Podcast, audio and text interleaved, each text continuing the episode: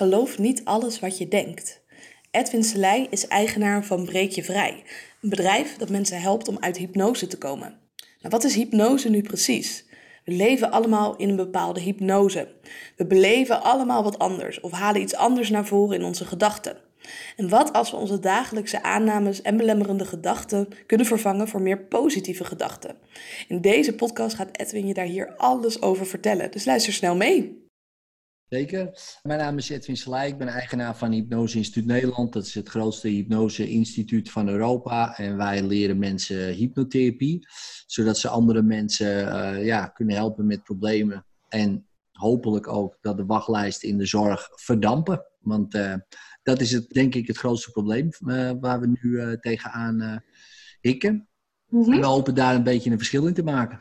-hmm. En is hypnotherapie dan echt een stukje preventie of het genezen ervan? Hoe moet ik dat zien? Je zou kunnen zeggen beide. Alleen ja, genezen is, uh, is een beetje een vreemd woord. Want uh, wij genezen niemand. Uh, de mensen genezen altijd zichzelf. Een dokter behandelt, maar geneest ook niet. Dus dat doen wij ook. Wij behandelen. Maar ehm, ja, en we faciliteren het zo op de best mogelijke manier. Zodat de persoon zichzelf kan, kan helen en genezen. En ik las hè, dat jij een, de, van de eerste bent die de moderne hypnotherapie doet. En ik ben ook heel benieuwd hoe verschilt dat van de oude hypnotherapie? Ja, dat is grappig. Hè? De moderne hypnotherapie uh, is ontstaan in de jaren tachtig. Dat noemden ze toen zo. Dat was uh, vanuit de Ericksoniaanse hypnotherapie.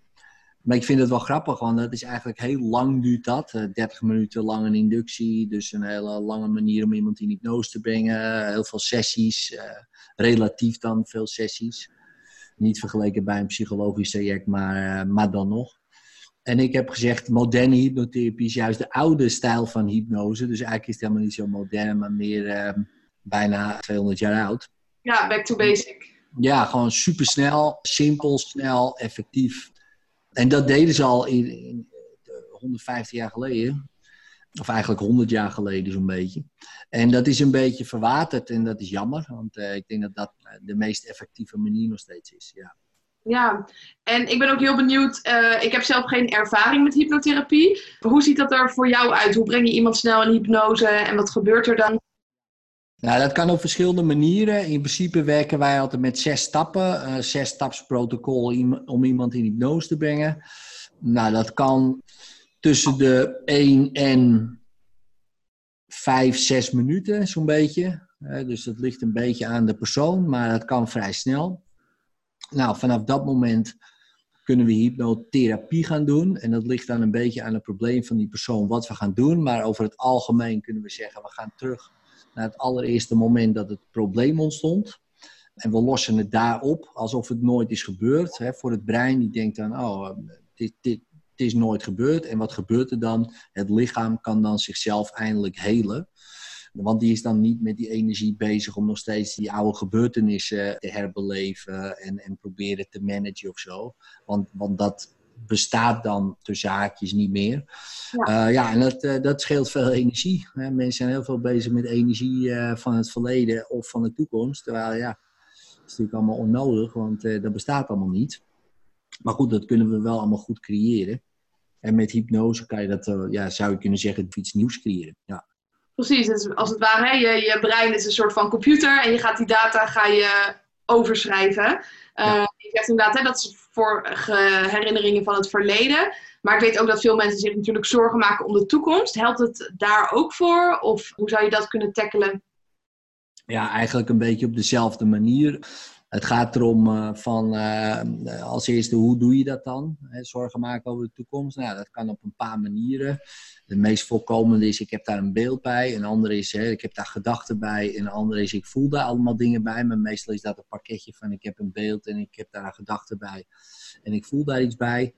Ja, als je een ander beeld van de toekomst zou hebben, hè, van oh, wauw, dit gaat echt goed komen of dit is leuk en je hebt daar andere gedachten bij, dan voel je je alweer een stuk beter. Het is allebei niet waar. Want de toekomst bestaat niet. Die bestaat alleen in ons brein. Er is eigenlijk alleen maar een continu. Dus het is alleen maar nu. Dus, dus die toekomst is natuurlijk gewoon een fantasie. Zelfs het verleden is een fantasie. Maar goed, vanuit die fantasie kunnen we natuurlijk fantaseren wat we willen. Ja, en dan denk ik, ja, kan je maar beter iets knaps fantaseren als het toch niet bestaat. uh, dan je hele tijd zorgen gaan maken, want het slaat toch nergens op. Want het, het komt namelijk nooit. En, en, het grappige is met mensen altijd, als het dan echt gebeurt, hè, in het nu, dan vinden ze altijd wel een manier om ermee om te gaan. En hoe erg het ook is. Dat zie je nu ook. Ten tijde van nood. Ja, mensen passen zich gewoon eigenlijk vrij simpel aan. Simpel in de zin van we doen het gewoon. Niet dat het per se makkelijk is, maar het gebeurt. En ja, daar had je ook vijf jaar lang druk om kunnen maken. Dat er een pandemie zou uitbreken en dat we allemaal binnen zitten. Nou, dan had je eigenlijk misschien nog wel veel meer problemen erbij gehad. Maar nu gebeurt het opeens en je ziet, ja, relatief uh, valt het wel mee. Ik zeg relatief, omdat het natuurlijk voor sommige mensen helemaal niet meevalt. Maar uh, dan, dan, zie je dat mensen toch best wel uh, zelfredzaam genoeg zijn om in het nu allerlei dingen op te lossen. En dan denk ik, ja. Dus dat is ook een hele positieve post voor jou erover van hè, wat nou als dit het beste is wat je kan overkomen. Ja. Om ja. ook de positieve kant natuurlijk te kijken. Is dat wat je zelf ook veel doet? Ja, zeker. Ja, ja, ja. Want het heeft helemaal geen zin om, uh, om je druk te maken. Natuurlijk, kijk, het is niet zo dat ik me niet te druk maak om dingen. Of uh, dat ik soms niet gestrest ben. Of uh, dat ik het even niet meer zie zitten. Ik denk dat dat vrij menselijk is. Maar dat zijn allemaal fantasieën natuurlijk. Hè. ook, ook, dat je, ook dat je een kans ziet erin, is ook een fantasie. Dus, in principe is het een feit wat er gebeurt. En, en daar ga je dan een soort van zin aan verbinden.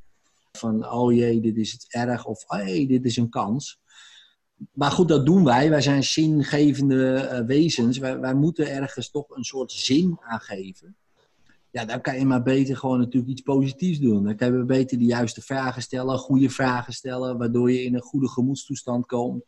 Nou, ook beter voor je immuunsysteem. Eigenlijk is het allemaal een stuk gezonder. Hè. Je, uh, daar zijn al heel veel onderzoeken natuurlijk naar geweest, uh, dat dat allemaal goed werkt ja, dan denk ik, ga dat dan fantaseren. In plaats van fantaseren dat de hele wereld uh, zo direct in de fik staat en iedereen uh, doodgaat of zo. Ja, dat is niet per se de meest leuke fantasie of zo.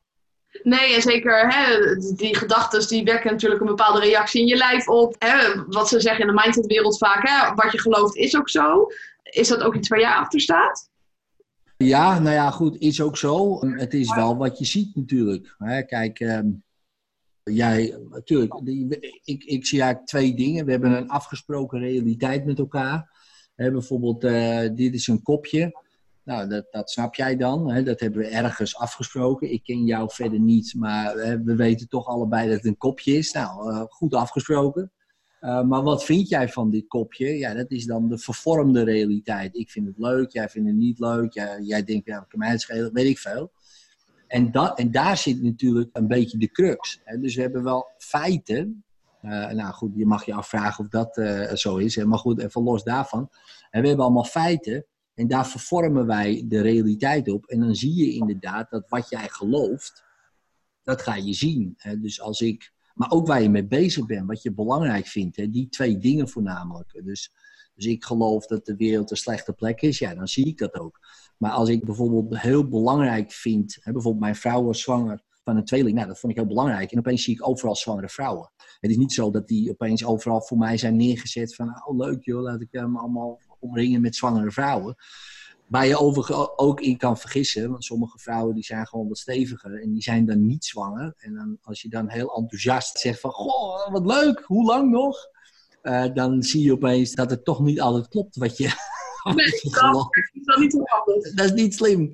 Dat is niet slim. Dus dat doe ik ook nooit meer. Maar goed, hè, vanuit je enthousiasme kan je dan denken van... Oh, wauw, te gek, weet je wel. Het wonder van de natuur. Zo. En uh, daar kan je dan in vergissen. Um, maar, maar het feit is gewoon wel zo. Ja, uh, je ziet wat je gelooft. Hè, maar je ziet ook wat je belangrijk vindt. Ja, en als dat dus zo is, stel je voor je gaat wat anders geloven. Of je gaat wat anders belangrijker maken bijvoorbeeld je gezondheid of, uh, of je vrijheid of wat dan ook, ja, dan zie je daar opeens ook mogelijkheden en kansen toe. En mensen die bijvoorbeeld geld niet belangrijk vinden, ja, die, die zien over het algemeen ook niet mogelijkheden om geld te verdienen. Mensen die geld heel belangrijk vinden, zien dat wel.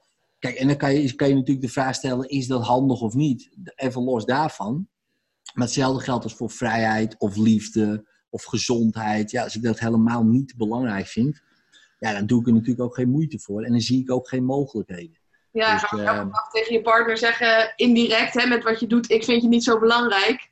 Dikke kans uh, dat dat uh, ergens gaat stranden of dat je niet zo'n leuke relatie zal hebben. Nee, nee, nee, nee. Dus dat is, het is handig als je dat natuurlijk belangrijk maakt. Of al belangrijk, ja. Ik, ik neem aan als je in een relatie zit dat je die belangrijk vindt. Anders vraag ik me af waarom je dat überhaupt zou doen. Maar goed, dat kan wel uh, misschien wat, wat inzakken. Ja, en daar zijn natuurlijk wel allemaal trucs voor, hè, uh, voor jezelf. Om uh, alleen al de bewustwording, denk ik. Van, god, vind ik het eigenlijk nog wel belangrijk genoeg? Dat is een interessante vraag. En, dan, en als je dan nee, denk shit. Wil ik het wel belangrijk vinden? Ja, oké, ga dan wat doen. Als dat ook een nee is, denk ik, ja, dan mag je je afvragen wat je er nog doet. Maar als het wel een ja is, ja, dan kan je natuurlijk wel voor jezelf even gaan bedenken van goh, hoe kan ik dit belangrijker voor mezelf maken? Wat, en dat heeft met investeren te maken in tijd, waarschijnlijk dan ook. Dus uh, meer tijd uh, besteden. Ik denk dat we dat allemaal hebben. Ik heb, ik heb jaren geleden, mijn werk was het belangrijkste. Ja, en wat, dan, dan betaal je daar de prijs voor dat je je kinderen gewoon uh, ja, wat, wat minder vaak ziet en, en je vrouw. Ja, en dan krijg je toch problemen op dat vlak. Dat is natuurlijk niet slim. Achteraf dan. En denk shit, ja, ik heb mijn werk veel te belangrijk gemaakt. Laat ik dat maar weer eens even omdraaien. Ja, maar ja, goed, dat gebeurt ook soms, hè. Maar ja, ik ben het zeker met je eens, ja. Wat je gelooft, dat zie je, ja. Dus eerst geloven, dan zien. Dat is altijd wel handiger, ja. Ja, en vervolgens ging het over een stukje prioriteiten. En ik denk, wat zelf ook heel veel zie, is dat hoe prioriteiten voor mensen zijn en hoe ze vervolgens hè, hun tijd indelen, hun geld indelen, kan totaal anders zijn. En ga maar eens kijken naar je laatste vijf bankafschriften. Hoe zou je die shift kunnen maken in prioriteiten? Jij zei, je kreeg op een gegeven moment dus die feedback van mevrouw en kinderen dat ik te veel aan het werk was. Klopt dat? Ja, ja onder andere. Ja, ja, ja zeker. Ja. Hoe zou je dat al eerder bijvoorbeeld kunnen tackelen? Ja, dat is natuurlijk best lastig, hè? Uh, omdat je natuurlijk gewoon in een soort mode zit. Maar ja, jezelf uh, regelmatig, en dan misschien iedere week of iedere maand, hè, maar inplannen in je agenda, dat is altijd het belangrijkste. Want dan staat het er maar. Jezelf de vraag stellen van, oké, wat vind ik belangrijk? Nou, op een gegeven moment weet je dat wel, wat je belangrijk vindt. Maar doe ik daar wel genoeg aan om dat te vervullen? Dus bijvoorbeeld in mijn geval, als ik naar mijn waarden kijk, wat ik belangrijk vind, is dat liefde, vrijheid, plezier, groei en verbinding. Nou, dat verandert bij mij waarschijnlijk niet voor de rest van mijn leven. Alleen de manieren waarop zouden kunnen veranderen. De manieren waarop ik liefde krijg of geef, of, dat kan allemaal veranderen. Nou, dan heb ik natuurlijk nog contexten. Werk, relatie, geld, eh, dat soort dingen ook belangrijk. Nou, dat verweeft in elkaar. Ja, en dan ga je afvragen, wat vind ik het belangrijkste? Nou, als dat liefde is en vrijheid, oké, doe ik daar dan genoeg aan om dat zelf te vervullen of niet? Ja, of doe ik allemaal dingen die eigenlijk misschien wel mijn vrijheid beperken? Of verwacht ik misschien wel liefde, maar geef ik het niet? Of weet je wel, dat je jezelf eerlijk naar jezelf kijkt. En, en gezondheid staat bij mij in de top 10, maar niet eens in de top 5 bijvoorbeeld. Uh, omdat ik die andere vijf gewoon belangrijker vind. Wat is jouw top 5 dan? Ja, wat ik zei, liefde, vrijheid, plezier, groei en verbinding. Dus dat is voor mij het belangrijkste. En daar heb ik over na zitten denken. Ik denk, ja, als je nou kanker krijgt, is dat dan nog steeds zo? En ik denk, ja, dan zijn die vijf nog steeds het belangrijkste. want ik, ik, dat klinkt gek misschien, maar ik ga liever dood in alle vrijheid met liefde om me heen, terwijl ik me verbonden voel en nog steeds het gevoel heb dat ik groei of spiritueel misschien ga groeien en naar de volgende niveau en plezier heb, dan dat ik dan misschien toch uh, kies voor een behandeling die me misschien niet vrij maakt en niet het plezier geeft en niet verbinden. Behalve natuurlijk als een hele grote kans is dat ik natuurlijk mijn leven rek. Maar stel je voor, die kans is heel nihil. Ja, dan, dan, dan weet ik niet wat ik zou kiezen. Nou is dat toch moeilijk op dit moment, want ik voel me prima. Maar ja, ik denk niet dat er dan veel verandert. En wat ik wel denk, kijk, vrijheid is voor mij ook, ook een, een, vorm van gezondheid. Kijk, als ik me niet vrij voel in mijn lichaam en ik kan niet de dingen doen die ik wil, voel ik me onvrij. Dus, dus als ik niet sterk genoeg ben, als ik niet fit genoeg ben, als ik niet eens gewoon normaal kan rennen of zo, ja, dan voel ik me dus niet vrij. Dus dan ga ik dus dingen doen om me vrij te voelen. Ja, dus dat is voor mij ook een soort gezondheid. Als ik, als ik te weinig plezier heb, dus, dus de hele dag depressief ben of zo, is ook ongezond. Dus dan ga ik manieren zoeken om meer plezier uh, te verkrijgen. Dus voor mij hangt het eigenlijk allemaal samen in mijn waardesysteem. Kijk, voor iemand anders is vrijheid uh, ja, misschien wel heel wat anders. Uh, die zegt van ja, als ik kan doen wat ik leuk vind, vind ik het prima. Al ben ik uh, zo dik en ik kan gewoon lekker uh, Netflixen, vind ik hartstikke leuk. En ik hoef verder niet te werken, dan voel ik me vrij en dan heb ik ook mijn waarde vervuld. Ja, oké, prima. Maar dat is het voor mij dus niet. Ik zou me heel onvrij voelen. Ja, precies. En je zegt, nou, ik heb dat waardesysteem voor mezelf, die top 5. Hou je daar dan ook rekening mee in hoe je bijvoorbeeld je agenda indeelt? Ja, steeds vaker, ja. Ja, dus uh, ik heb echt gemerkt, eigenlijk ook weer sinds deze tijd, toen mijn agenda opeens helemaal leeg was. Uh, in maart was dat, um, omdat er niemand hier, hiermee komt en zo, geen trainingen, niks. Alles was uh, afgelast. Voelde ik me echt een stuk beter. ja, niet dat die trainingen niet doorgingen, dat is, was natuurlijk shit, maar, maar wel dat ik gewoon alle vrijheid had. En ik heb dat wel bedacht van, uh, dat gaan we doortrekken, dat, uh, dat gevoel. Want ik was veel productiever. Al veel productiever. Ik kon veel beter nadenken. Ik was veel leuker thuis, weet je wel. Maar dat merkte ik eigenlijk pas door, door, door dit. dus eigenlijk ook wel een, een, soort van zegen of zo. Dat je dan erachter komt van, goh, ja, je, je, je, je vindt dat wel belangrijk. En je doet ook wel werk wat je leuk vindt. Maar ja, slokt het niet te veel van je vrijheid op. En denk, ja, dat, dat, dat, dat merkte ik dus, dat dat, um, dat dat dus nu beter gaat. En ik, ik, ik, ik, ga dat, e-, ik ben dat nu echt uh, rigoureus aan het inplannen, ja. Ja, want we zitten nu natuurlijk in het andere extreme. Ja. Is het dan dat je dan denkt van nou, daarna ga ik een balans ertussen zoeken? Nee, ik zou het wel zo extreem willen houden eigenlijk, ja. Ja. Ja, gewoon eigenlijk um, bijna geen afspraken, niks. Alleen wat ik leuk vind. Precies, ja. En, uh, ik zelf bijvoorbeeld voor Ilko de Boer. En die heeft ja. als regel van hè, geen afspraken in mijn agenda, want dat ja. beperkt me eerder in, uh, in de vrijheid. Ja, ja. Ja, Ilko is een goede vriend van me. Hij is een uh, enorme inspiratiebron, ook dat. Dus ja, ik, ik omarm wat hij zegt eigenlijk wel volledig, ja. Ja, dat, ja. maar ik ga ook goed op deadlines. Hij, hij is een beetje tegen deadlines, maar ik ga er wel goed op. Dus, dus ik vind het wel lekker, een deadline. Maar ik ga ook goed op leegte, waaruit wat kan ontstaan. En als het natuurlijk geen leegte is waaruit wat kan ontstaan, ja, dan ontstaat er dus over het algemeen niet zo heel veel. Tenminste, niet hele goede dingen. Dat heb ik wel gemerkt. Dus, dus ja, een beetje, dus misschien daar een balans tussen. Uh, ja, dat is denk ik wel goed. Maar hoe het daarvoor was, eigenlijk heel veel afspraken achter elkaar, dat ga ik niet meer doen. Nee. Nee, en soms is er dan van buiten zo'n punt nodig van oké, okay, even een pas op de plaats. En dan kan zo'n zo'n crisis eigenlijk ook wel weer een blessing zijn. Ja, ja, ja, precies. Ja. In dit geval, voor mij in ieder geval, uh, ja, zitten daar toch allemaal wel weer van die gouden momentjes tussen. Of van die diamantjes uh, toch wel en kansen.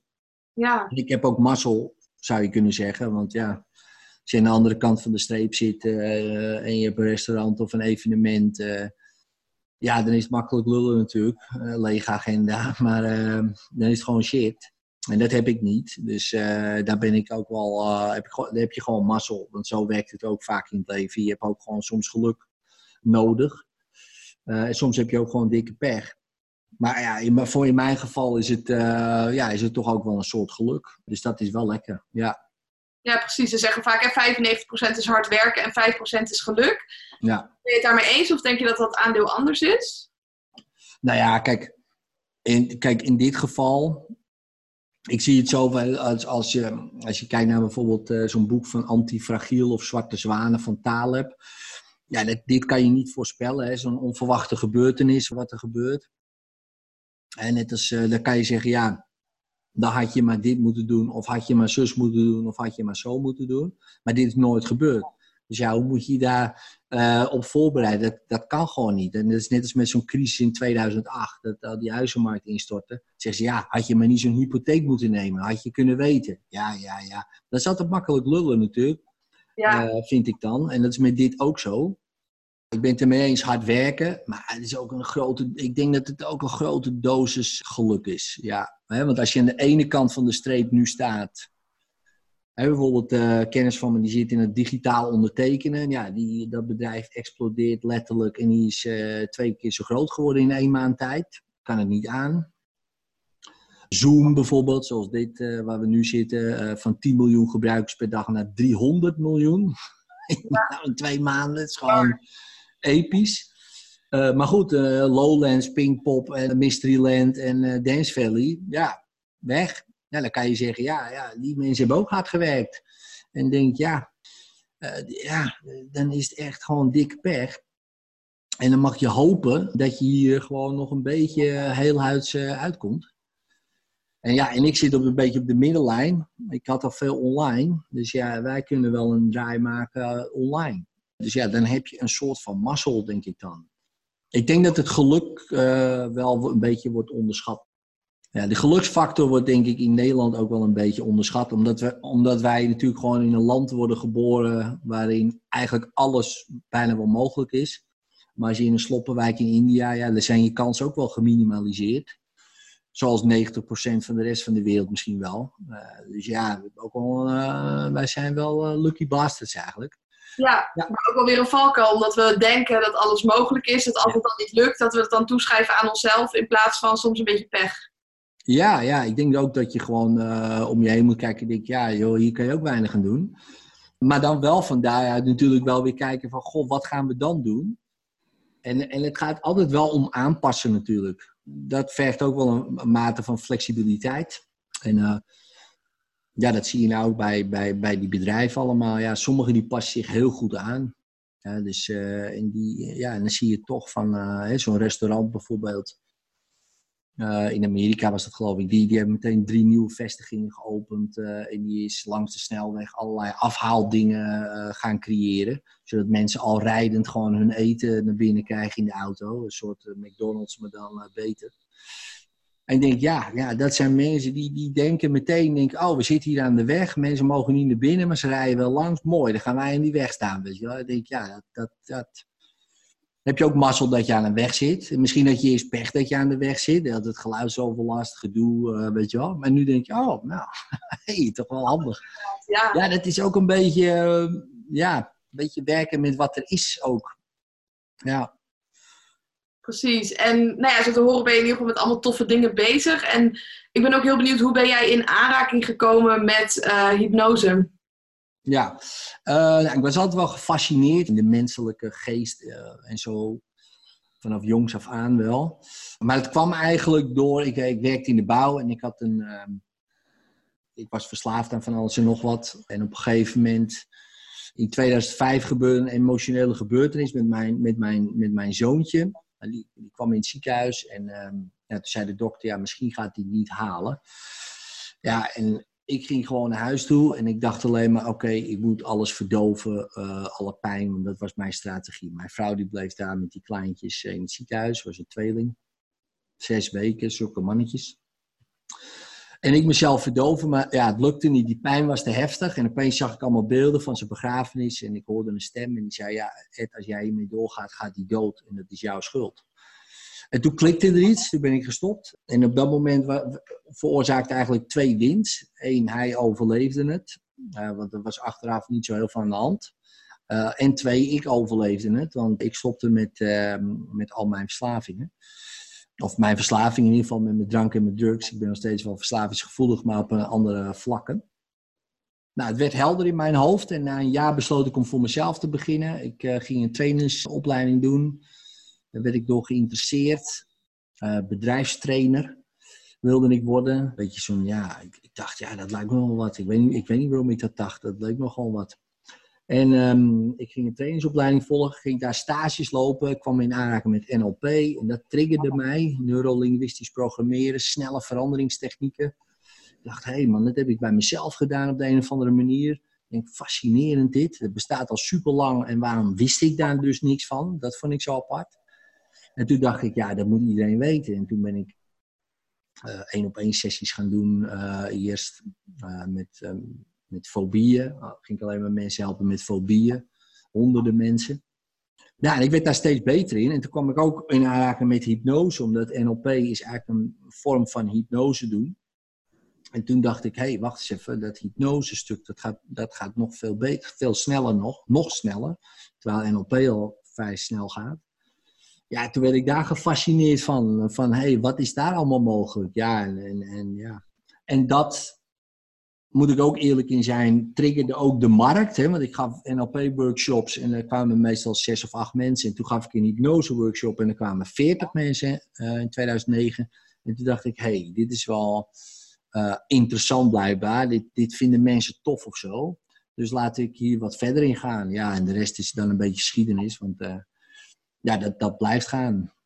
Ja. ja dus zo is dat een beetje gegroeid, ja. Ja. ja, en wat een bijzonder verhaal heb je met twee hele erge uitersten. Je zegt inderdaad, van, ik ben van mezelf ook verslavingsgevoelig. En nou ja, een heleboel mensen zijn verslavingsgevoelig, of nou is met drank of drugs of social media, dat we op allerlei manieren onze emoties verdoven. Wat is dat toch voor mechanisme, denk je, dat, dat we geneigd zijn om dat te doen? Ja, die, die, dat is een beetje die drang en die zoekt toch naar die dopamine shots. We willen steeds die dopamine shot uh, uh, hebben. Uh, dat zie je ook. En, en drugs is daar perfect natuurlijk in. Hè. Als je kijkt naar cocaïne, dat geeft in één keer een shot gigantische dopamine. Wauw, ik voel me hartstikke goed. Daarnaast verdooft het ook allerlei pijnen. Als je depressief bent en je neemt een snuif cocaïne, voel je je prima. Uh, niet heel lang, maar wel even. En, en, maar dat triggert het wel meteen heel sterk hier in je brein. Uh, maar daarna is het erger. En dan neem je weer en dan is het weer weg. Maar ja, de, de effect wordt steeds minder natuurlijk. Ja, en voor je het weet zit je eraan. Want je wil die pijn niet voelen, maar je wil wel dat goede gevoel. Ja, en dat wordt dan zo'n visueuze cirkel. Ja, en, en op een gegeven moment, als je dat maar heel lang doet. Kijk, ik heb het heel lang gedaan, weet je, 15 jaar of zo. Ja, dan, dan, dan zit daar gewoon een, een mechanisme. Ja, wat ook niet meer weggaat, per se. Nog steeds kan ik die kant op gaan. Nou, als ik te veel drink, kan ik nog steeds die kant op gaan.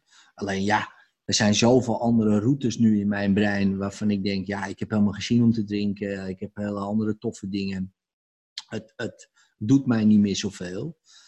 Maar ja, ik moet gewoon wel uitkijken. Ik, moet, ik kan moeilijk zeggen, ja, nee hoor, het gaat allemaal wel. En het gaat ook allemaal wel. Uh, maar ik drink bijvoorbeeld niet. Hè. En als ik drink, doe ik er één. Maar dan echt niet meer, want ik ken mezelf. Ergens kan er een fuck you ontstaan hier. En dan is het ook echt fuck you. En dan interesseert het me ook niet meer. Ja, en dat, zijn, dat zal denk ik gewoon uh, de rest van mijn leven zo blijven. Maar dat vind ik prima. Dat is de prijs die je betaalt dan. Dat is oké. Want ik heb heel veel andere sporen nu uh, waarop ik uh, zeg maar mijn waardes kan vervullen, gelukkig. En dat is ook goed om te doen, denk ik. Iedereen die, die dit luistert en misschien daarmee te kampen heeft, ja, zoek heel veel manieren die diezelfde waarde vervullen. Dus vroeger had ik als ik uh, bijvoorbeeld cocaïne gebruikte, voelde ik me vrij. Vrijheid is heel belangrijk voor me. Ik had verbinding met andere mensen. Dat is ook heel belangrijk voor me. Plezier had ik, ook heel belangrijk voor me. Nou, op een gegeven moment werd het een probleem. Ik voelde me helemaal niet meer vrij, helemaal geen plezier, helemaal geen verbinding. En toen werd het eigenlijk pas een probleem. Dus toen ben ik ermee gestopt. Maar ja, ik had geen andere manier om me vrij te voelen. En, uh, dus dat was echt een zoektocht. Dus ik, ja, ik zou iedereen adviseren die wil stoppen ermee, om sowieso te stoppen.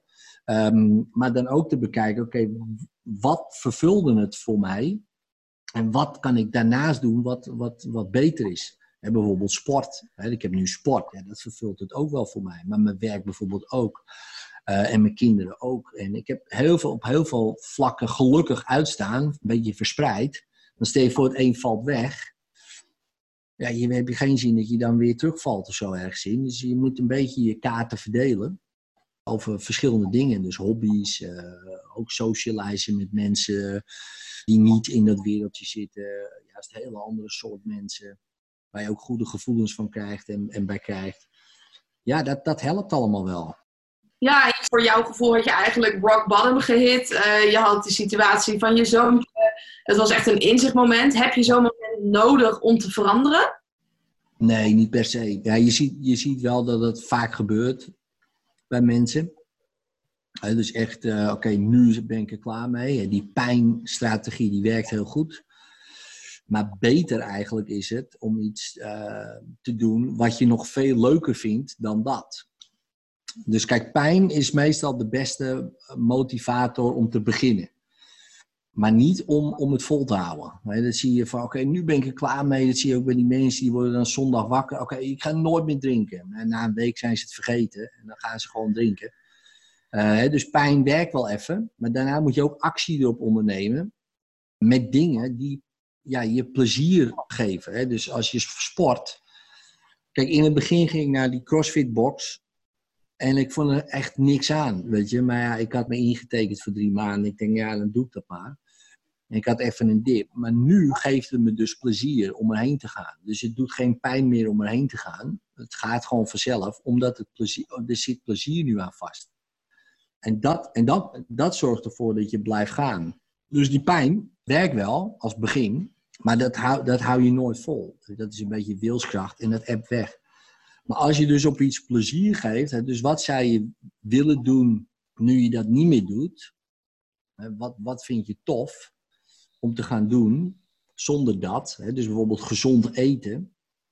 Ja, als je daar allerlei uh, negatieve gevoelens aan vasthangt, dan werkt het natuurlijk niet. Maar als je daar denkt van, oh lekker, weet je wel, eindelijk weer eens groente, eindelijk weer eens dat, weet je, dat je er echt naar uitkijkt ja, dan heb je natuurlijk totaal geen moeite mee om 500 gram groente te eten. Maar als je nu bij 500 gram groente denkt, oh my god, jongen, zo, ja. Ga ik dat wegkrijgen, hoor ik vaak. Ja, dan, dan, ja maar dat is pijnlijk dus. Dus, dus, dus, dus. Maar dat is een fantasie. Ja, dus, dus je kan net zo goed iets fantaseren. Van, oh, dit is zo heerlijk en eindelijk, weet je, mijn lichaam wordt weer heerlijk schoon en ik krijg eindelijk weer energie dat je zoveel mogelijk goede gevoelens erop plakt. En in het begin is dat een beetje een fantasie misschien. Maar als je dat maar vaak genoeg doet, zou je merken, en dat weet iedereen die gezond eet, dat het op een gegeven moment echt gewoon ja, zo lekker is. Je, je wil dat ander ook niet meer. Want als je het neemt, dan denk je, ja, ik kan het wel doen. Maar dan denk je, dan man, dat is toch ook... Uh... Maar dat, moet, dat duurt even, dat, dat, duurt gewoon echt een paar maanden voordat, voordat er een soort van omslag komt. Ja, en om je daar door die paar maanden heen te helpen, kan, kan het je helpen door de hele tijd positieve gevoelens uh, erop te projecteren. Zodat je de strategie van uh, er naartoe, naar plezier toe creëert, in plaats van van de pijn weg. Want ja, dat, dat, dat werkt meestal niet zo goed. Nee. nee, en ons brein is natuurlijk ook zo ingesteld dat we heel snel vergeten dat we pijn hebben gehad. Ja. En uh, daarom vinden we doorzettingsvermogen zo lastig. En ik ben ook heel benieuwd, naast dat oproepen van die positieve gedachten, heb je nog meer tips voor als mensen struggelen met het stukje doorzettingsvermogen? Ja, dus, hè, dus goede gevoelens hè, erop plakken is heel belangrijk. Maar ook vind je het, hè, dus dan kom ik weer terug op. Uh, er zijn eigenlijk drie, drie dingen die. Uh, of uh, vier dingen.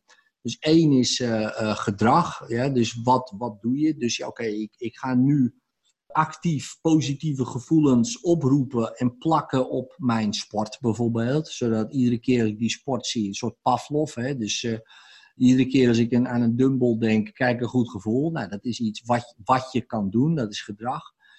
Een tweede is uh, het belangrijk maken. Dus, uh, dus waarom vind ik dit belangrijk? En daar echt ook heel veel redenen voor te bedenken uh, waarom je dat nou belangrijk vindt. Kijk, één reden is natuurlijk niet genoeg. Uh, dat is gewoon twee redenen. Ja, dus heb je een soort dilemma. Ja, vind ik dat wel. Drie, dan begint het wat te worden.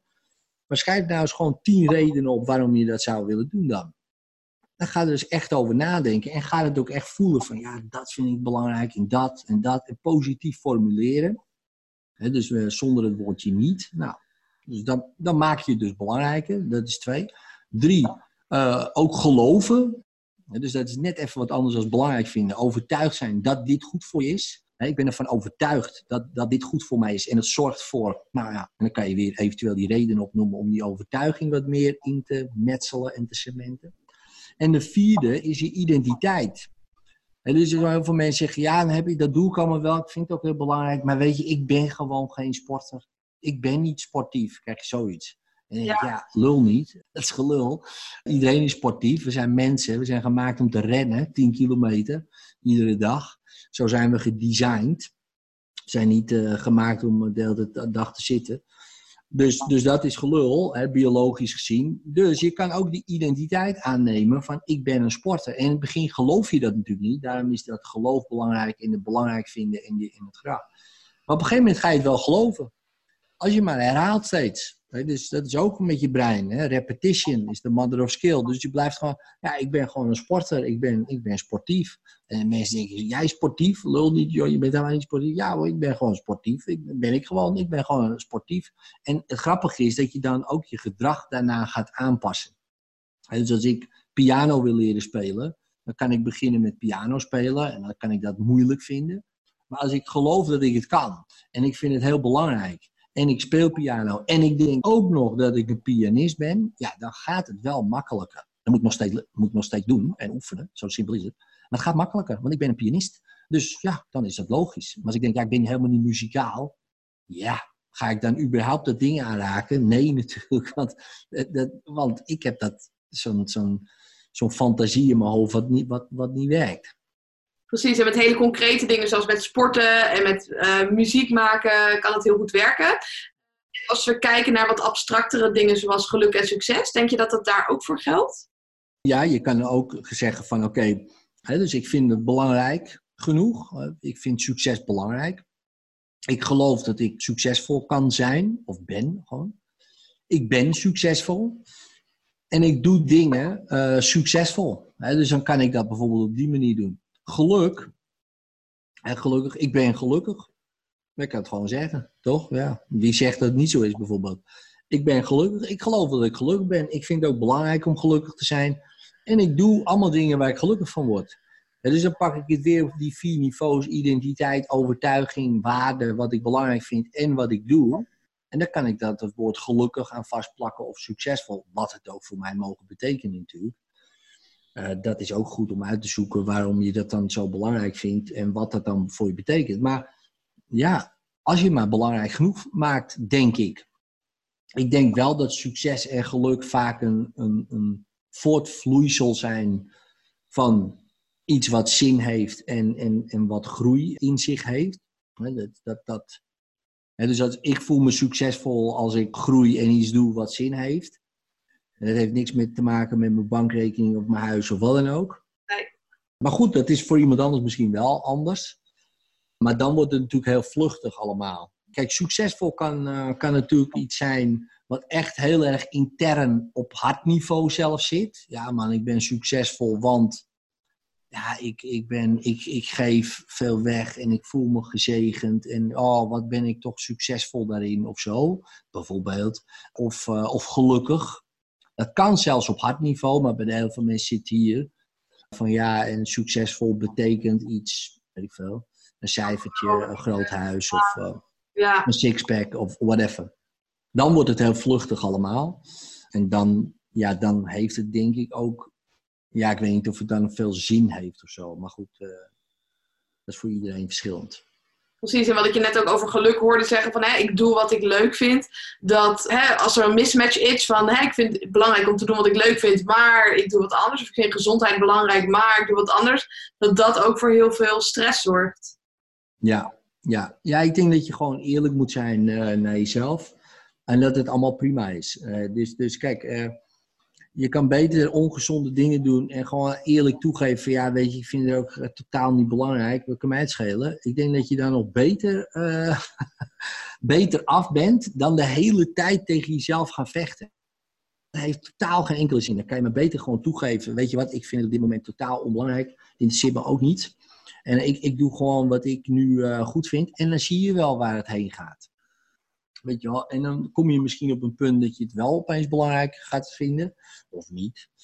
Maar dat gevecht, nee, ik denk, ik denk dat dat misschien nog wel het meest vermoeiend is voor veel mensen. Je ziet ook bij heel veel mensen die, uh, ja, die af willen vallen en zo. En uh, hun hele lichaam uh, verpesten door uh, allerlei diëten te doen. En het heel moeilijk te vinden. En natuurlijk ook van druk van buitenaf. En je moet er zo uitzien en zo. En dat is allemaal voor vrouwen geldt natuurlijk veel meer dan voor mannen nog. Om allemaal maar te moeten voldoen aan iets. Terwijl ik denk, hoe kan je nou voldoen aan iets anders terwijl jij iemand uniek bent?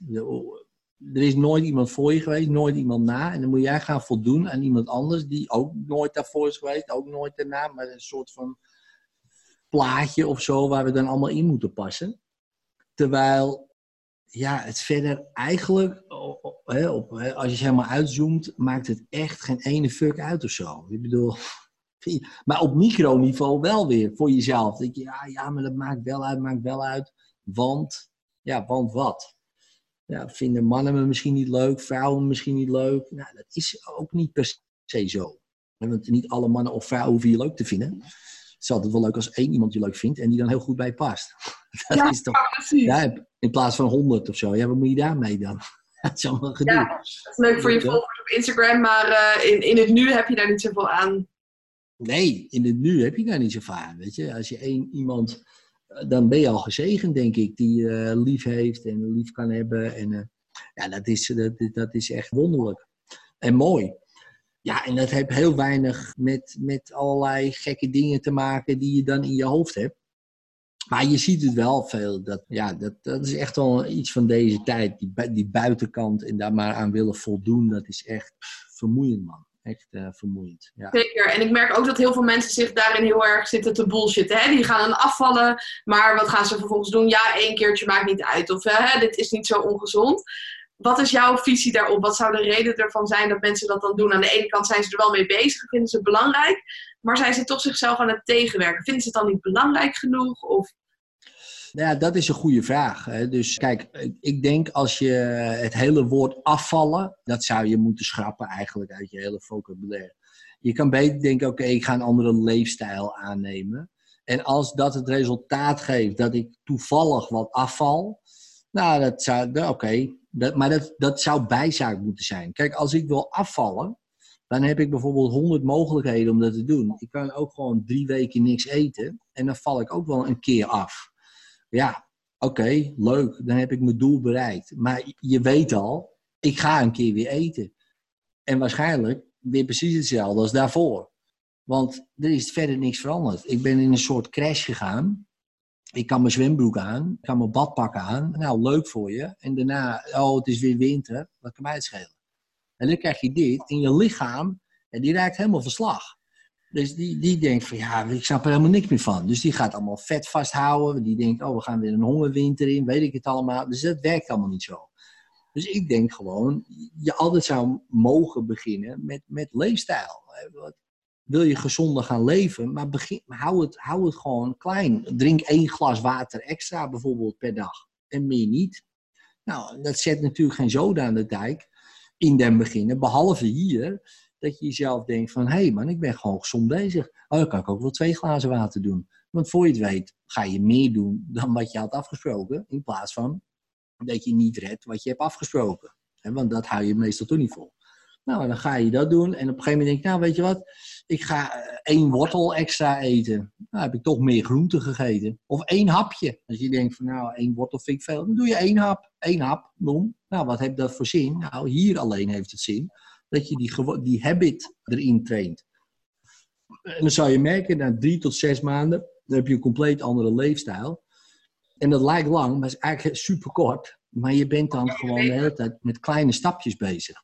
Ja. En ik denk, het grootste probleem is dat mensen zes keer in de week gaan trainen, twee weken volhouden. Dan denk zie je, dat lukt niet. Ze gaan een keer niet zes weken, maar drie keer. Wat ook al prima is. Ja, zie je wel, ik red het allemaal niet meer. Ik stop wel.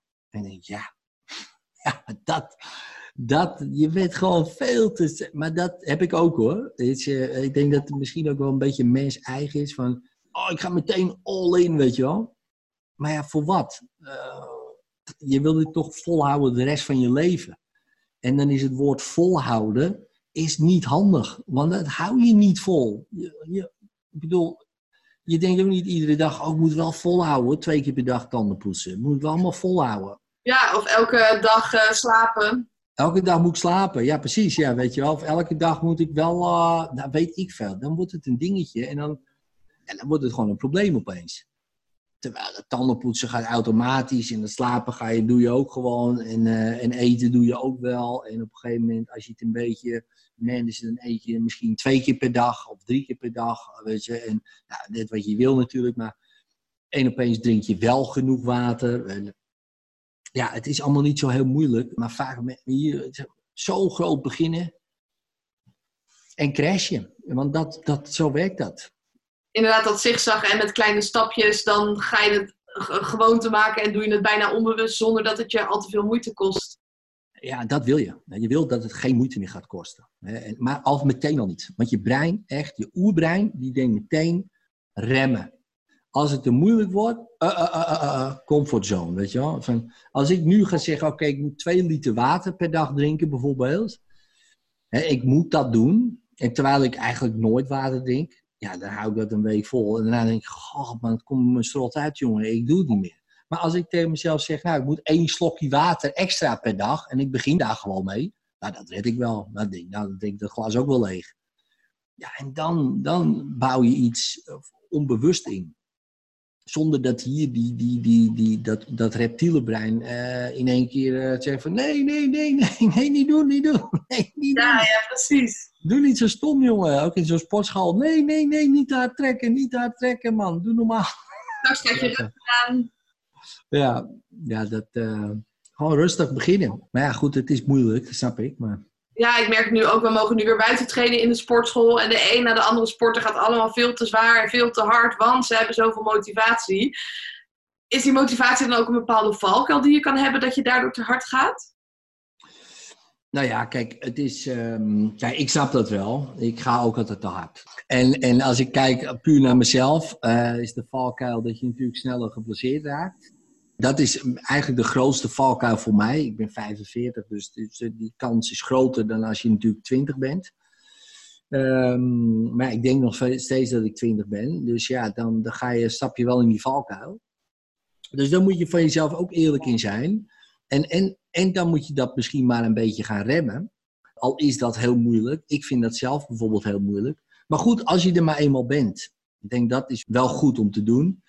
En wat als je dat weet van jezelf, zoals ik, het is wel handig om mensen om je heen te hebben die dat een beetje in de gaten houden dan. Dat, dat zou ook een goede kunnen zijn.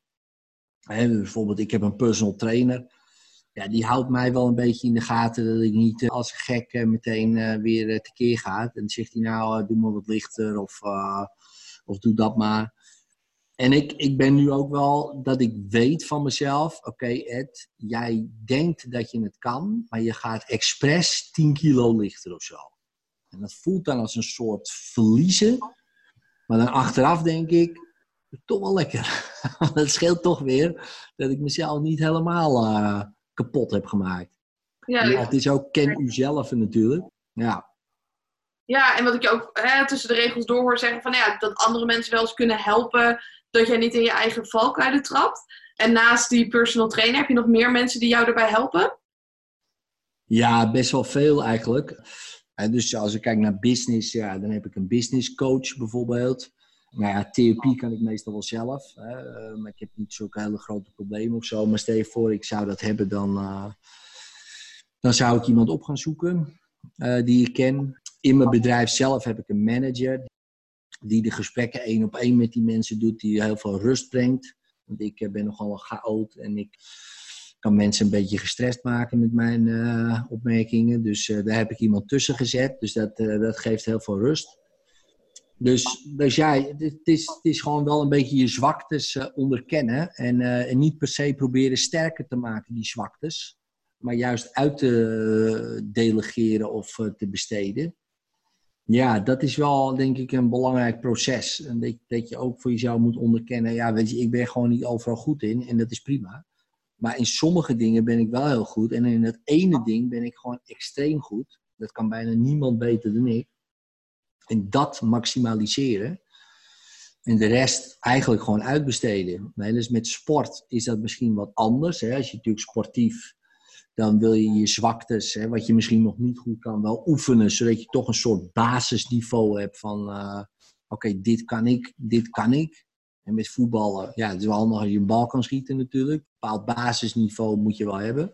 Maar de een is natuurlijk veel sneller en wendbaarder dan de ander. Ja, dan kan je gaan kiezen van, oké, weet je, oh, jij hebt meer inzicht misschien op het middenveld. Uh, jij bent veel steviger en Ga jij maar in de verdediging, je bent een goede kopper, oh, jij bent een goede buitenspeler. Weet je? En dan worden die posities als vanzelf op, op, op, de, op de strengths ingedeeld. Kijk, Ronaldo, ja, die moet je ook niet als centrale verdediger neerzetten. Hij is een voetballer van de wereld, de beste voetballer van de wereld. Maar ja, niet in de verdediging. Dus het is leuk dat hij uitgeroepen is als beste voetballer. Maar zet hem niet centrale verdediger. Want dan heb je er niet zo heel veel aan op dat niveau. Want die, uh, die gaat het niet redden. En dus daarom vind ik dat altijd een beetje gek. Zo'n beste voetballer van de wereld. Dan denk je, ja, op welke positie dan? Dus dat is ook in het bedrijf. Maar dat is ook natuurlijk in je leven. Dat je, dat je ook op een gegeven moment mag onderkennen van ja, hier ben ik gewoon niet goed in, weet je. En dat is prima. Ja. dat, dat, is zo, dat is ook lekker, denk ik. In het begin misschien, sommige mensen voelen dat misschien als falen of oh, zie, ik moet overal goed in zijn, maar dat is gewoon niet zo. Sommige dingen ben je een, eh, ben je een 8 of een 9 en in sommige eh, dingen een 4 of een 3.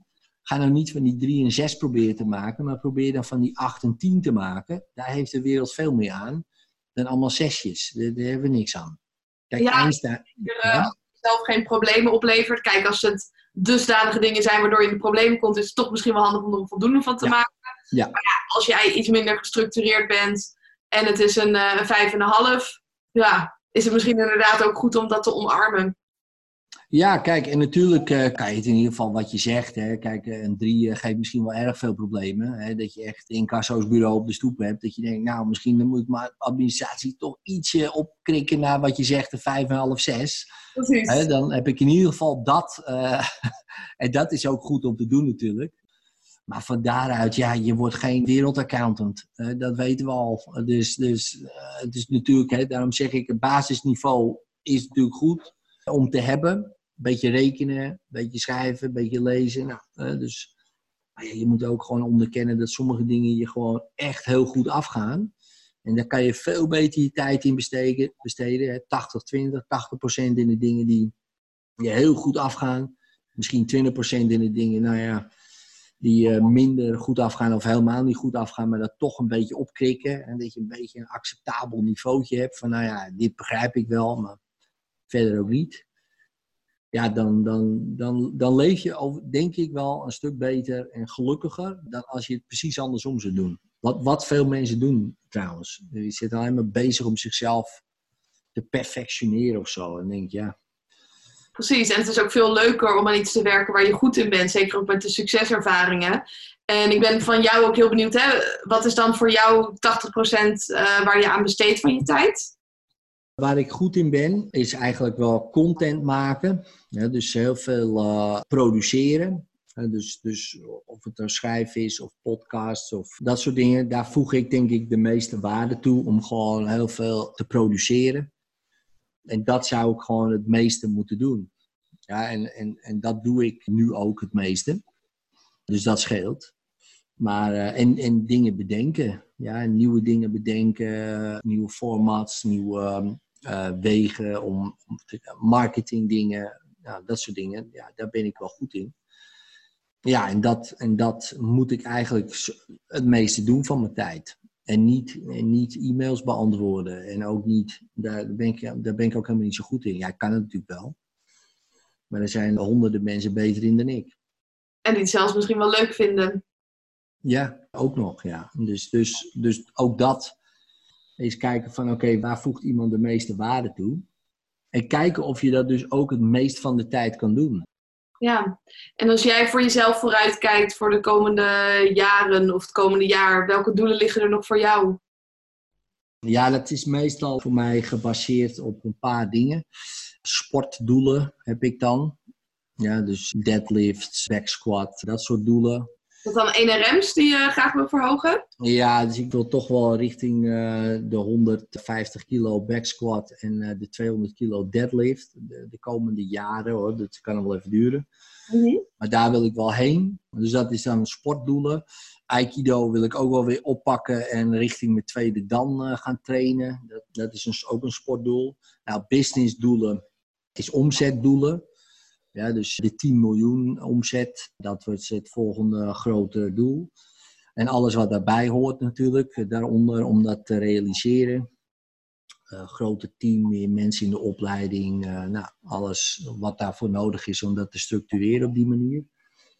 Dus dat vind ik interessant. Ik krijg daar veel energie van om te kijken van oké, kan ik dat voor elkaar krijgen? Dat vind ik altijd hartstikke leuk om, om te doen. Dus dat is een doel. Uh, meer boeken schrijven is ook een doel. En een ander doel is uh, ja, om toch ondanks uh, zeg maar die, die, al die doelen die ik persoonlijk wil, om dan toch ook meer tijd te hebben. Ja, gewoon thuis en om meer lol te maken thuis met die jongens en, en met het gezin. Ja, dus toch dat de leefstijl erop vooruit gaat en niet dat inteert omdat je die doelen wil halen. Ja, dat je het doel en het middel niet gaat verwarren. Precies, ja. Ja, dat is wel belangrijk, ja. Ja, ja, en als je ook zo terugkijkt, ze zeggen vaak je hebt geen succes zonder tegenslagen. Als je kijkt naar de afgelopen jaren, eh, een stukje zakelijk, heb je bepaalde tegenslagen gehad of zie je het zelf niet op die manier? Ja, ze zeggen wel eens in je bedrijf of er zijn problemen of er is een crisis. Dus als je geen problemen hebt, heb je geen bedrijf. Dat hoor ik wel eens. Ja, er zijn altijd van die kleine probleempjes natuurlijk. Personeel valt wel mee, moet ik zeggen. Personeelsproblemen. Maar ja, goed, je wil toch altijd de neuzen dezelfde kant op. Maar als ik kijk, tegenslagen moet ik even denken. Ja, kijk, zoals dit jaar, ja, de grootste tegenslag eigenlijk was, ja, ik had, ik had een doel gesteld van, uh, oké, we zetten alles op het seminar. Van daaruit komen uh, de mensen in de opleiding. Dus ik had uh, dit jaar besloten om de rest van de workshop te schrappen en alleen maar op het seminar te gaan eind maart. Ja, in half maart uh, werd dat hele seminar geschrapt. En toen dacht ik, oeps, uh, dit is toch wel uh, een, een, tegenslag. Ja. Omdat, omdat plan A was eigenlijk dat. En ik had ook geen plan B. want, maar goed, plan B had ik zo bedacht. Maar, maar ja, dat, dat was dan wel bijvoorbeeld een tegenslag. Een andere tegenslag in het begin van mijn ehm, carrière, zeg maar. Uh, er zijn wel wat dingen gebeurd waarin ik heel veel, nou ja, je zou kunnen zeggen, weerstand uh, heb ondervonden van uh, collega's. Ja, die mij echt uit de markt wilden hebben. Daar heb ik toen, dat was wel lastig ook. Die periode, dat was denk ik tussen 2010 en 2014, 15 zo'n beetje. Dus die vijf jaar niet, niet de hele tijd, iedere dag of zo, maar wel dat er best wel veel druk was van buitenaf. Uh, dus dat was lastig, want toen had ik ook geen personeel, daar was, uh, was ik in mijn eentje. Uh, in het begin personeel wat, wat niet echt heel lekker ging. Dat lag ook aan mij, want ik had daar helemaal geen verstand van hoe ik dat allemaal moest gaan doen natuurlijk. Dus dat, dat werkte niet. Ook mijn eigen overtuigingen. Ik denk, ja, personeel, weet je wel, dan moet ik een kantoor hebben en dan moet je er zijn. En daar heb ik helemaal geen zin in en dat soort dingen dus ja, dat, dat allemaal van die, van die interne dingen eigenlijk. En ook soms wel externe dingen. Maar goed, daar leer je van en daar word je ook wel weer sterker van. En waar ik het meest van heb geleerd, eigenlijk uh, in 2014, toen ging ik zeker bij de latverhogers bij Elko, de boer. En daar heb ik wel ontdekt voor mezelf wat mijn beste leerstrategie is. En dat is me omringen met mensen die beter zijn dan ik. En dat hoor je natuurlijk veel vaker altijd zeggen. Maar voor mij was dat echt de doorbraak eigenlijk op zakelijk niveau. Maar eigenlijk ook voor mijn leven zou ik kunnen zeggen. Dat ik er eigenlijk achter kwam dat ik. Ik wist wel dat ik heel beïnvloedbaar was, maar, maar zo beïnvloedbaar. dat ik dacht, oh, als ik nou zo beïnvloedbaar ben, dat is eigenlijk wel handig. Want als ik me dus door mensen laat beïnvloeden die heel slim zijn, dan word ik dus ook heel slim. Maar de andersom is bij mij ook waar. Hè? Als ik me de hele tijd laat omringen met mensen die gewoon, nou ja, laat ik het zo even noemen, dom zijn. Hè? En, en niet slim en, en, en slechte dingen word ik daardoor beïnvloed, heel snel. Dus ik, ik heb dat gewoon. Dus dat is een valkuil, maar ook een kracht. Want ik ben dus heel, ik ben heel slim om, als ik ergens in een zaal zit en ik zie iemand dat iets doen, dan ben ik die persoon en dan kan ik dat zo modelleren en kopiëren. En uh, ik ben heel autodidactisch wat dat betreft. Ja, dat doe ik dus ook met mensen die gewoon bullshit lopen te vertellen. Dan ga ik opeens ook bullshit dingen denken en vertellen, weet je wel. Dus ik moet, ja, choose your friends wisely is, voor mij echt wel van toepassing. Dus ja, nu zoek, zoek ik echt expres wel masterminds op. Met mensen die uh, echt veel slimmer zijn dan ik. Op bepaalde vlakken dan. Hè. Ja, daar leer ik zoveel van. Dus eigenlijk tegenslagen. Ja, zeker in het begin als start-up is het een en al tegenslag eigenlijk, weet je. Dus gewoon, je bent de hele tijd aan het struggelen en aan het trekken en aan het duwen. En, en nu is het wel lekker, want het vaart wel. Dus, dus dan kan je wel wat meer hebben. Maar in het begin is het echt wel moeilijk. eh, De juiste doelgroep, de juiste markt, de juiste communicatie, de juiste. Wat willen ze allemaal weten? Dus oh, zoveel stress, zoveel gedoe. Ik ben wel blij dat ik daar doorheen ben. Dat, is wel lekker. Maar ja, dat was niet eens een tegenslag, maar eigenlijk alleen maar gewoon tegenslag. Ja, Dat je gewoon de hele tijd, oh, zoveel stress en druk. En, eh, en ik denk, eh, als ik nu weer een start-up zou beginnen, zou het wel makkelijker zijn. Omdat je natuurlijk wel meer kennis hebt en kunde. Maar je gaat toch weer zo'n zo'n zo'n traject in. Met, met echt wel. Eh, ja, nee, ik vind het heel leuk, maar ik ben wel blij, ik ben, ik ben wel blij dat, dat, eh, dat, dat ik daar doorheen ben. Ja. Ja, en je zei inderdaad van nee, ik zat in, het, in de latverhogers en masterminds zijn voor mij belangrijk. Ja. En wat te horen is dat investeren, is dat wel iets wat je consequent doet. En ook ben, ben heel benieuwd, ik hoor vaak van mensen die zeggen ja, ik vind het lastig, eh is onveilig. Wat hielp jou daarbij om dat te- toch te gaan doen? Ja, eh, wat hielp mij erbij? Kijk, wat ik al zei, ik ben heel erg beïnvloedbaar. Dus Elko, die had me er helemaal ingeluld natuurlijk. Dus eh, dat kan niet als geen ander. ja, daarom. Dus eh, voor, we- voor het wist, zat ik erin. Maar ik heb er nooit spijt van gehad. Hè? Dus, want, want daar ontmoette ik mensen die... ja, dat zijn nog steeds vrienden. Hè? Dus dat zijn allemaal bekende ondernemers, zeg maar. Ja, en daar heb je gewoon heel veel aan. Om even met die mensen te sparren. En nog steeds, weet je als ik met ze wil sparren, dan kan ik met ze sparren. En, en ja, dat is gewoon goud. Dat moet je niet onderschatten, die investering. Ik denk, dit is gewoon een investering in, in het netwerk. Ik heb eens iemand horen zeggen, succes, dat ligt, dat ligt gewoon aan je netwerk. Dat, dat, weet je, dat ligt niet aan hoe hard je werkt. Je zegt hard werken, weet je. Maar, maar eigenlijk is het gewoon netwerken. Dus, en ik ben een hele slechte netwerker. Ik vind er ook helemaal niks aan eh, om, om, om te socializen. Maar zo'n mastermind is perfect. Want het netwerk is al voor je uitgekristalliseerd. Het zijn allemaal mensen die serieus willen investeren en willen groeien. Daar stap je bij in.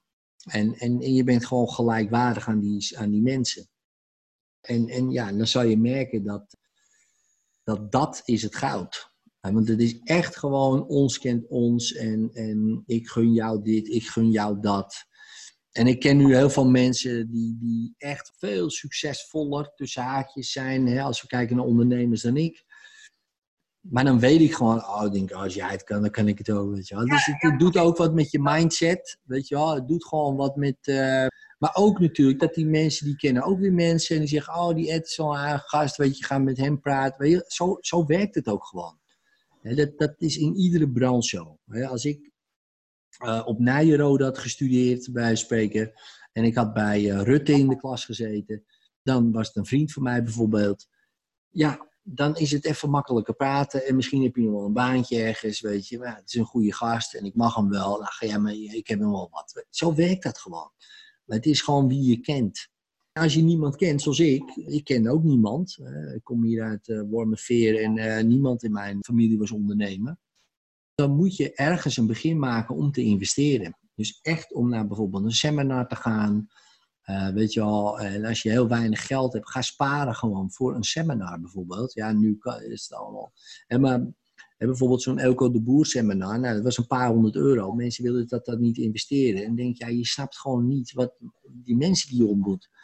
Want er zitten allemaal mensen, voor hun is het een investering van helemaal niks. Voor jou is het misschien je hele spaarpot leeggooien. Maar je zit wel naast zo iemand en dan ga je even in gesprek. denk je, man, die ken ik. En opeens kennen ze je. Dan je, oh, doe je dat? Wat leuk. Nou, je kan wel eens een keer bij mij wat doen of zo. En voor je het weet, heb je allemaal connecties. En, en je connect your way up. Ja, en ik denk dat, dat daar het goud ligt. Dus ja, natuurlijk is dat spannend. De eerste keer dat ik zo'n lat verhoogde, dacht ik, ja, ik ben hier het domste jongetje van de klas. Zo voelde het. Nou, dat is niet leuk. Tenminste, ik vond het niet leuk. Maar nu vind ik het juist wel leuk. Want als ik denk, ik ben het slimste jongetje van de klas, vind ik er niks meer aan. Dan denk ik, ja, dit... verkeerde plek waarschijnlijk ook zit. Dan zit ik op de verkeerde plek, ja. Ja, maar het is, het is wel even ongemakkelijk. Dan denk ik, ja, wie ben ik dan? Weet je wel, dan kom ik aan met mijn tip. Ja, wat heeft die gast eraan? Maar op een gegeven moment wint dat wel. En, en, en het grappige is, als het wint, dan weet je, hé, hey, wacht even. Ik ben volgens mij een leveltje up. Ja, ik heb een nieuwe comfortzone, hoppatee, weer oncomfortabel worden. En zo word je comfortabel met het oncomfortabele gevoel. Ja, ja, precies, precies. Ja, klopt, ja. Ja, en met wie zit jij uh, bij de latverhogers? ik zat, ehm, ik zit nu niet meer bij Latfrogs, hè, maar Nee, ik ja, zat met eh Aad-Jan ik zat met Aad-Jan eh, van Erkel, eh, Nienke van der Lek, Robert-Jan Hendricks, Igor met die eh, een hele grote lampen, lampenbusiness. Bas Eurlings, die kwam er ook nog bij. Nou ja, goed, het zijn allemaal mensen die... ehm, en ik ben er nog een aantal vergeten, maar, eh, maar het zijn in ieder geval allemaal mensen die zijn best wel bekend in een ondernemersland. Eh, toen ook al wel, maar nu zeker. Eh, als ik kijk naar Nienke, die, eh, ja, die gaat ook als een raket. Ja, dat is leuk om te zien. Ja. Dat is gewoon dat je ziet, ja, dat was dat clubje. Die deden het al goed, maar die doen het nu nog een stuk beter.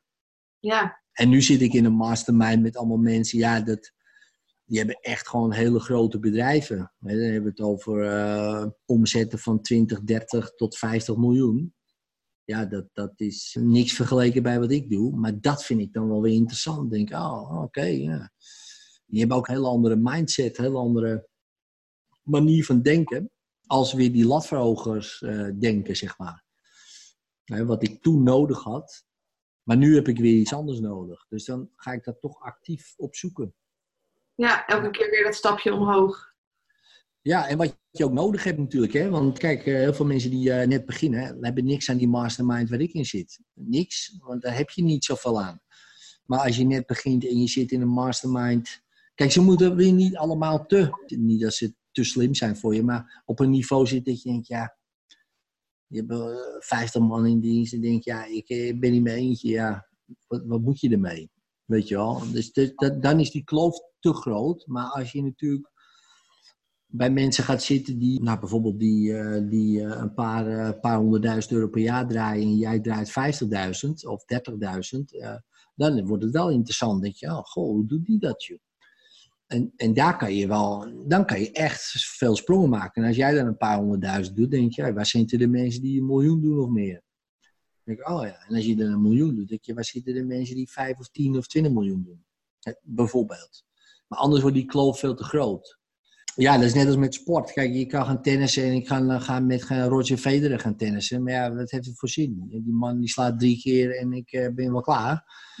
Maar ik kan wel met iemand gaan tennissen die, die net wel beter is dan ik. Ja. Eh, en daar, eh, totdat ik veel beter ben dan, die, dan diegene bijvoorbeeld. En dan zeg ik, oké, ik ga nou weer iemand die mij weer stretcht. Dat, dat je steeds wel een kloof pakt, maar, maar het moet wel overbrugbaar zijn, want anders geef je het ook op. Dus dat, zou wel mijn tip zijn. Maar daar moet je wel actief naar op zoek gaan. Jij moet daarin investeren, in, in tijd en in geld bijvoorbeeld. Maar ook in tijd gewoon op, op zoek gaan naar, oké, wie kan mij beter maken? Daar ben ik echt wel een groot voorstander van. Ik denk dat dat de grootste hack is die er is eh, in het leven. Ja. Ja, ja, helemaal mee eens. Ik heb zelf ook altijd geïnvesteerd in, in coaching, in seminars. En dat heeft mij denk ik ook zoveel verder gebracht uiteindelijk eh, dan, dan dat ik dat niet had gedaan. Ja. Ja, Ja. ja, precies. Ja. ja, want hoe is het bij jou eigenlijk nu? Nou, ik kom zelf dan uit de topsport. Dus ik ben Mhm. in powerliften ben ik een van de sterkste van de wereld geworden. Ja, Eh, cool. voor mezelf bedacht van, nou ja, ik kan dit eh, trucje nog wel tien keer herhalen, maar volgens mij zit er niet zoveel meerwaarde in. Ik wil dit aan anderen gaan leren, dus toen ben ik gaan ondernemen en inderdaad ook al snel op het seminar van Ilko gekomen. En ook bij andere coaches, dus ook in een mastermind gaan investeren. En daarna ben ik bij eh, John en Jeanette aan de slag gegaan, dus eh, daar zit ik nu ook bij. Die zijn ook van de latverhogers toevallig. En zit ik in het team van Ilko. En ja, merk ook in mijn bedrijf gewoon hoe hard dat eigenlijk kan eh, met groeien. En zoek ik elke keer ook weer die mensen op die, eh, nou ja, die je uplevelen. En merk ik ook hoe krachtig dat netwerk is. Ja, ja, precies. Ja. ja, maar dat heb je waarschijnlijk natuurlijk ook wel herkend in je eigen topsportcarrière. Dat je waarschijnlijk toen ook de mensen om je heen hebt verzameld die jou eh, daar konden brengen. Want je Absoluut, natuurlijk ja. Ik ging niet bij de lokale trainer in de sportschool vragen om een schema. Want hè, die heeft er de ballen verstand van. Dan zoek je de beste coach. En dan zoek je qua gelijkgestemde internationaal mensen die net even wat sterker zijn dan jij. Waaruit je inspiratie kan halen en tips kan vragen. En we leven echt in Ja. een fantastische wereld met het internet. Waarin het allemaal super toegankelijk is. Waardoor je ook niet altijd hoeft te investeren erin. Maar het inderdaad met tijdsinvestering... eh, of ge- geen, je hoeft niet per se geldinvestering te Mhm, Ja, tijdsinvestering kom je dan ook al een heel eind. ja, Ja, cool. Ja, precies. Dus ja, dat is mooi hè, dat jij uh, toen al ook al de waarde natuurlijk daarvan inzag. Eigenlijk iedere topsporter die weet, die weet dat al. Ja, dat snap ja, ja. Natuurlijk ga je de beste verzamelen. Wat is dat voor een gek idee dat je het niet zou doen of zo?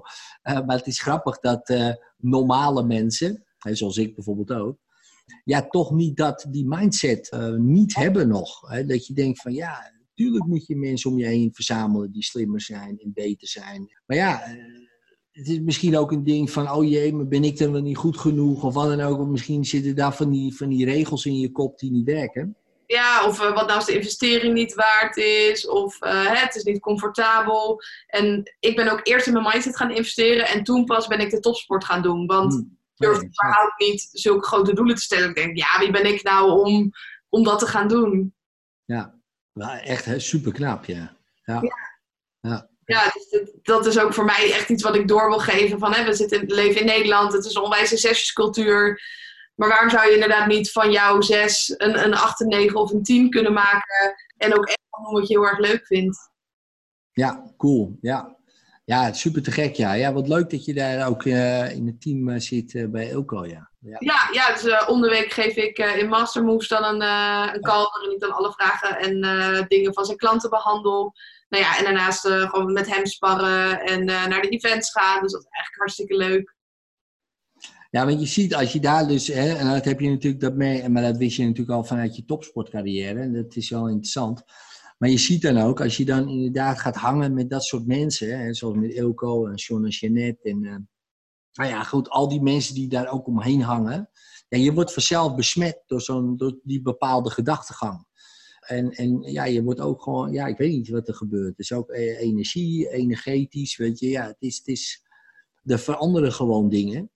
En ik denk dat mensen dat echt onderschatten. Ja, die, die, die, die oude patronen, die conditioneringen, die oude hypnose eigenlijk, weet je van, van, van je gezin, van je familie, van je omgeving, van je, van je dorp, weet je. Want ook daar, hè, van, nou, bij ons in het dorp doen we dat niet, weet ik veel. Ik bedoel, ik weet, waar kom jij vandaan? Uh... Ik kom zelf uit Leiden, maar ik moet ook zeggen, als ik nu kijk naar de mensen die ik gedurende mijn leven heb leren kennen, de meeste mensen die ik tot mijn twintigste heb leren kennen, daar ga ik allemaal niet meer mee om. Omdat het ook heel veel mensen inderdaad zijn met oude conditioneringen van hè, we gaan studeren, baantje, veiligheid. Maar gewoon, doe je al gek genoeg. Ja, dus jij Leiden, hè, studentenstad, en, en, dan ga je powerliften. Ja, ja. Wat valt daar nou aan te verdienen, bijvoorbeeld? Ja, Wat is dat voor carrière? Ja, kan je niet meer feesten, saai hoor. Ja, precies, ja. Ja, maar precies, hè. Dus dan zit je daarin. Kijk, en het is heel makkelijk om natuurlijk in die hypnose mee te gaan. Bij mij ook uh, gewoon, uh, ja, als je uh, school, ja, natuurlijk moet je school, maar werken is belangrijk. Hè. Je moet gewoon werken en ehm, werken, nou ja, maakt niet uit wat, maar zoek een vaste baan. En dat is bij mij, uh, die hypnose was dat. de vaste baan hypnose. Nou, bij jou misschien dat studeren. Je moet wel studeren, want dat, dat hoort in die stad natuurlijk zo. En iemand anders heeft weer in een dorp en je moet wel op het land gaan werken of zo, weet ik veel. Maar dat, hè, dat is, kan zo... En, en daar breek je ook los van en breek je eigenlijk vrij van als je in zo'n mastermind gaat. Want dan kom je pas die mensen tegen die eigenlijk net zo gek zijn als jij. Daar komt het eigenlijk op neer. Weet je, die denken van, nee ja, wij gaan dit doen, weet je. John en Jeanette natuurlijk ook mooi van, nee we, gaan, we zitten op Bali uh, te werken. Ja, we nemen geen kinderen, we doen lekker waar we zelf zin in hebben. Ja, en, uh, ja fantastisch. Ja, toch? En dan denk je, oh ja, dat kan ook gewoon, weet je wel. Die mensen, die bestaan ook nog. ja, dat is, ja, dat is heel bevrijdend. Want uh, ja, hoe meer van dat soort mensen om je heen hebt, hoe... Ik geloof wel hoe, hoe beter je voor jezelf kan kiezen of zo. Dat je niet die ene mogelijkheid hebt van, oh, je moet dit eigenlijk zo doen. Maar dat je opeens tien andere mogelijkheden ziet. Dat je denkt, oh ja, zo ga ik het doen. Even zoals bij Ilko, hoe die met zijn personeel. Daarom heb ik nu personeel. dus, want in mijn hoofd was het, nee, want dan moet je in kantoor, dan moet je wel als eerste de wezen, want zo hoort dat. dat kwam uit de bouw. En Elko, uh, die deed het helemaal niet. Toen dacht ik, oh, dat, hoeft ook niet, blijkbaar. Uh, ja, en nou heb ik gewoon 18 mensen of zo. Ja, dat, maar, ja dat, maar, maar er zit niemand. Ja, dat, dat moet je wel eerst een keer zien of zo. En meemaken. Uh, ja, en daarom, ja, iedereen die twijfelt en luistert van ja, mastermind wel of niet. Ja, gewoon doen joh. Zeker als het mensen zijn waarvan je wat kan leren. Dat is de beste investering die je kan doen. Echt. Ja, zeker. En ik denk ook dat er superveel waardevolle content hier uh, in ons gesprek zit. Mooi. Nou, thanks hè. Dankjewel uh, Isabel. Doeg. Doei doei.